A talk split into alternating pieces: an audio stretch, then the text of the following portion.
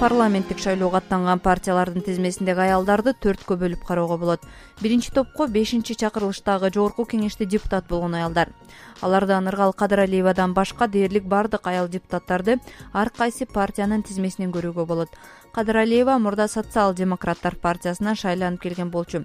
Экинчи топко капчыктуу ишкер кыз келиндер кирет. Алардын катарын мурда ар намыстан шайланып кийин вице премьер министр болгон медициналык клиникалардын ээси гүлнара сымбекова жогорку кеңештин мурдагы депутаты маркум жыргалбек сурабалдиевдин кызы бишкектеги кудайберген базарынын ээси эльвира сурабалдиева. Туризм департаментинин мурдагы жетекчиси дасмия эс алуу борборунун кожоюну турусбек мамашевдин кызы айсулуу мамашева жана башкалар толуктайт. Мындан сырткары журналисттик чөйрөдө таанылган кыз келиндердин жоон тобу шайлоого аттанууда.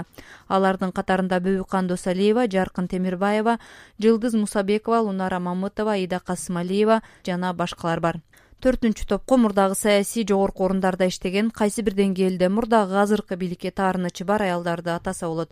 Алардын сап башында ата мекен партиясынын тизмесинде төртүнчү болуп келаткан мурдагы баш прокурор аида салянова бар. Ал президенттин колдоосу болбой калгандыктан ишин тапшырганын билдирген болчу. Ушул эле партиянын он жетинчи орундугунда гүлнара самат клара турат. Азаттык буга чейин бул табышмактуу аял борбордук шайлоо комиссиясынын мурдагы төрайымы клара кабилова экенин жазган жыйырма тогузунчу орунда конституциялык палатанын мурдагы судьясы клара сооронкулова бар. Ал жарандардын биометрикалык маалымат алуу мыйзамсыз деген пикирин айткан үчүн мөөнөтүнөн мурда иштен алынган. Партия лидери өмүрбек текебаев бул талапкерлер тууралуу азаттыкка курган маегинде буларды билдирген. Клара кабилова бүгүнкү партия лидерлери сымал эле ошол эле нодумаров ошол эле аскар саламбеков ошол эле атамбаев ошол эле куулов ошол эле э, алтынбек сулайманов же чудинов жана башкалар сыяктуу бакиевдин убагында чоң кызматта иштегени чын ал борбордук шайлоо комиссиясынын төрагасы болгон. Бирок бир жылдан кийин жергиликтүү шайлоолордун убагында максим бакиев менен конфликтке келип анын айтканын жасабай бишкек шаардык кеңешинин депутаттарына мыйзам бузууга жол бербей койгондугу үчүн э, аны өлтүрөбүз деп коркутушкан кабилова өмүрүнө коркунучтуу болганда кыргызстандан россияга качып чыгып кеткен. Качып чыгып кетип атып өзүнүн билдирүүсүн кокусунан өлүп калсам э, кимдерден көргүлө деген билдирүүсүн жазып оппозицияны менин колума таштап кеткен. Салянова прокуратуранын ролун болуп көрбөгөндөй көтөрдү. Коррупцияга уюшулган кылмыштуулукка жалпы эле мыйзам каршы күрөшүүдө жалпы эле мыйзамдуулукка каршы күрөштө э, өзүн өз алдынча саясатчы болду. Тизмеде парламент жыйындарында бир да ооз ачып сүйлөбөгөн балык атка конгондор да жок эмес. Маалымат каражаттары эл өкүлү динара исаеваны ушул тизмеге кошуп жүрүшөт. Жогорку кеңештин регламент жана депутаттык этика боюнча комитетинин төрайымы айнура алтыбаева парламент жыйынына көп келбей жаткан депутаттардын атын атап алардын ичинде динара исаева бар экенин айткан. Исаева мурдагы өкмөт башы данияр үсөновдун аялы ал кыргызстандагы капчыктуу айымдардын катарында турат. Ата журттун катарында шайланып келип мандат алууга келгенде партия лидери камчыбек ташиев каршы болгонун маалымат каражаттары ошондо жазып чыгышкан исаева бул жолу да республика ата журттун он экинчи орунунда келатат. Ал эми эмгек бүтүн кыргызстан партиясынын алдыңкы орундарынан кыз ала качуу үчүн жазаны катаалдатууга каршы болгон депутат надира нарматова бар. Ал бул мыйзам менен бактысы ачылбай жүргөн кыздардын жолун тороп салабыз деп айткан эле. Ушул эле партиянын он экинчи катарында кылмыш ишине байланыштуу мандатынан ажыратылган депутат урмат аманбаева турат аманбаева оштогу кургагучка каршы күрөшүү борборунда эсепчи болуп турганда оорукана жетекчилиги менен коррупциялык схемаларды түзүп өлкө казынасына ири өлчөмдө зыян келтирген деп айыпталууда. Аманбаева өзүнө коюлган айыптарды четке кагып келет ал эми өнүгүү прогресс партиясынын он экинчи орунунда кулкар паша сабирова кирген. Ал эки миң онунчу жылдагы кандуу июнь окуясына шектелген жогорку кеңештин мурдагы депутаты алишер сабировдун аялы. Партия өкүлү тынчтык шайназаров сабированын улуттар аралык ынтымакты бекемдөөгө кошкон салымы эске алынып тизмеге кошулганын айтты сабирова гүл эже ал э, зам председатель ассамблеи народов кыргызстана. Наоборот ошо ошо элдердин арасында ынтымакты ошол жумуштарды жасап жүргөн адам да башкалардан айырмаланып социал демократтар партиясынын тизмесинде апрель окуясына катышкан ошондо жабыркагандарды кездештирүүгө болот. Алардын бири маралбы биянки биянки тууралуу маалыматтар дээрлик жок. Болгону анын жалгыз эркек бир тууганы апрель окуясында каза болгону өзү италиялык жигитке турмушка чыкканы убагында ысык көлдүн губернатору эмилбек каптагаевдин жардамчысы болуп жүргөнүн айтып атышат. Башында аны менен чогуу жүргөн айкөл ала тоо уюмунун өкүлү марипа алыйкулова мындай дейт. Эми мен марал жөнүндө бизнес чогуу жүргөн кыздардын бири негизичи получается булар деген сегиз кыз болсо бир жалгыз эркек бала.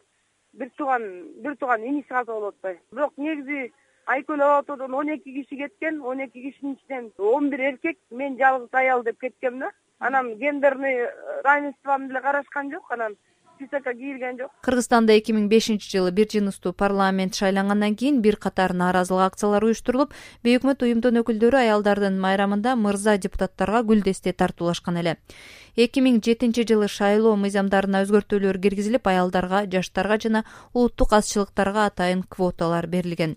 Демократия жана жарандык коом үчүн коалициясынын жетекчиси динара ушрахунова тизмелер аялдардын лидерлигине эмес өң тааныштыгына карап түзүлдү деген ойдо. Тандалганы баягы тааныш билген аялдарды чакырып атат балким бири бирине айтып мен тигини тааныйм муну тааныйм деп эле ошо чакырып атат болуш керек. Көбүнчөсү аялдар деле жанагы башка талапкерлер алардын баары тең бир идеянын тегерегинде кошулган жок. Булар деген ошо бири бирин тааныган ошондой эле э, болуп атат да. Ошондуктан алар келгенде деле алар лидер катары бир суроолорду көтөрөбү маселелерди чечкенге ошондой тажрыйбасы чоңбу көппү сөзү өтөбү өтпөйбү.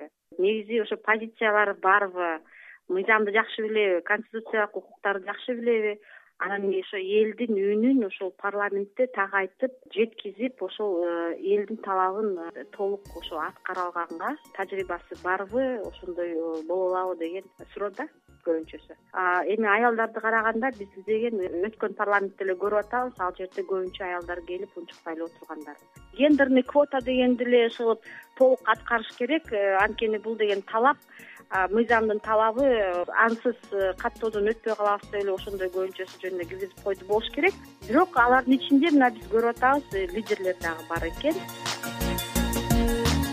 Сиздер аялзат программасын угуп атасыздар бул жолу шайлоого аттанган кыз келиндер туурасында сөз кылып атабыз микрофондо канымгүл элкеева депутаттыкка талапкерлердин тизмесин түзүп атканда партиялар мыйзам талабына ылайык отуз пайыздык квотаны сактап ар бир төртүнчү орунга аял кишини жазып келатат. Бирок добуш берүүдөн ийгиликтүү өтүп парламентке келип алгандан кийин аялдарды унутуп коюуга толук мүмкүнчүлүк ачылат дейт. Аялдар дискуссиялык клубунун жетекчиси динара айткулова ошондуктан шайлоого аттанган партиялардын тизмесине квотанын негизинде кирип бирок аты жөнү коомчулукка тааныш эмес.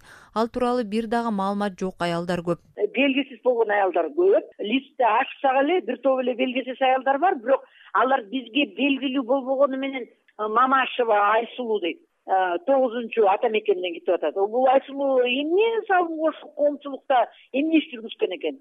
Билбейбиз да капчыгы барбы же дагы бир салымы барбы. Биз азырынча биле албайбыз да. Ишибизди алдыга жыбай турган жана биз ишеним көрсөтүп атып айымдар келчү болсо анда өтө туура болмок да. Бирок азыр андай болбой атпайбы андай болушу да мүмкүн эмес. Себеби партиялардын өзү менчик мына кеп ушунда жатат. Ошол эле биянку марал мисалы үчүн ал кайсы жылы төрөлгөндөн баштап башка эч информация жок да. Билими кайсы кайсы тармактан келатат өзү ким азыр эч ким айта албайт ал жөнүндө. Журналист назгүл коңурбаеванын пикиринде ишеним арткан. Кайсы бир маселени коомчулукка алып чыккан активдүү кыз келиндердин чачыранды ар кайсы партиядан баратканы өкүнүчтүү дейт. Бул нерсе өтө деле кубандырып ийди деп айта албайм себеби ал ошол э, мени мындай сыйлаган э, мен кандайдыр бир деңгээлде ишеним арткан кыз келиндер мисалы үчүн ар кайсыл партияларда чачырандуу болуп жүрүшөт да. Демек алар бир күч болуп бараткан жери жок. Чачырандуу болуп ар кайсыл топтордон ар кайсыл партиялардан бараткандан кийин бул нерсе мени өтө деле бир мындай кубандырган жок деп айтып элем да. Балким алар дагы парламентте үн кошуп бир нерсени өзгөртөбүз деген ишеним менен баратат болуш керек деп ойлойм.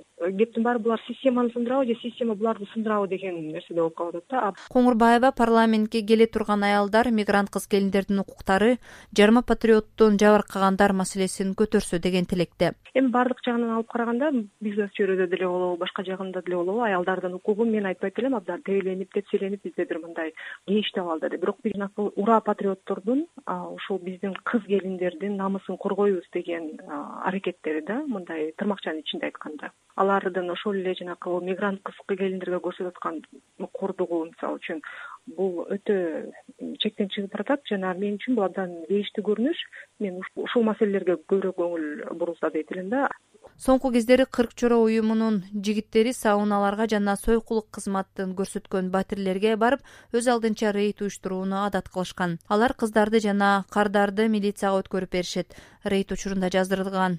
Рейд учурунда жаздырылган видеолорду интернетке жүктөп турушат. Жакында уюмдун экинчи канаты катары кырк кыз уюму түзүлгөн. Айтмакчы кырк кыздын башында турган перизат суранова да замандаш партиясынын катарында шайлоодо ат салышат мындан сырткары тизмеде чиновниктин кызы бир туугандар же ата бала бир партия тизмесине кирген учурлар көзгө илинет мисалы кызмат абалынан кыянаттык менен пайдаланган лицензиялык уруксат берилген ишти жүзөгө ашырууда мыйзам бузган деген беренелер боюнча кылмыш иши козголуп кийин акталган мурдагы жаратылыш ресурстар министри замирбек эсенамановдун кызы чолпон эсенаманова кыргызстан партиясынан баратат.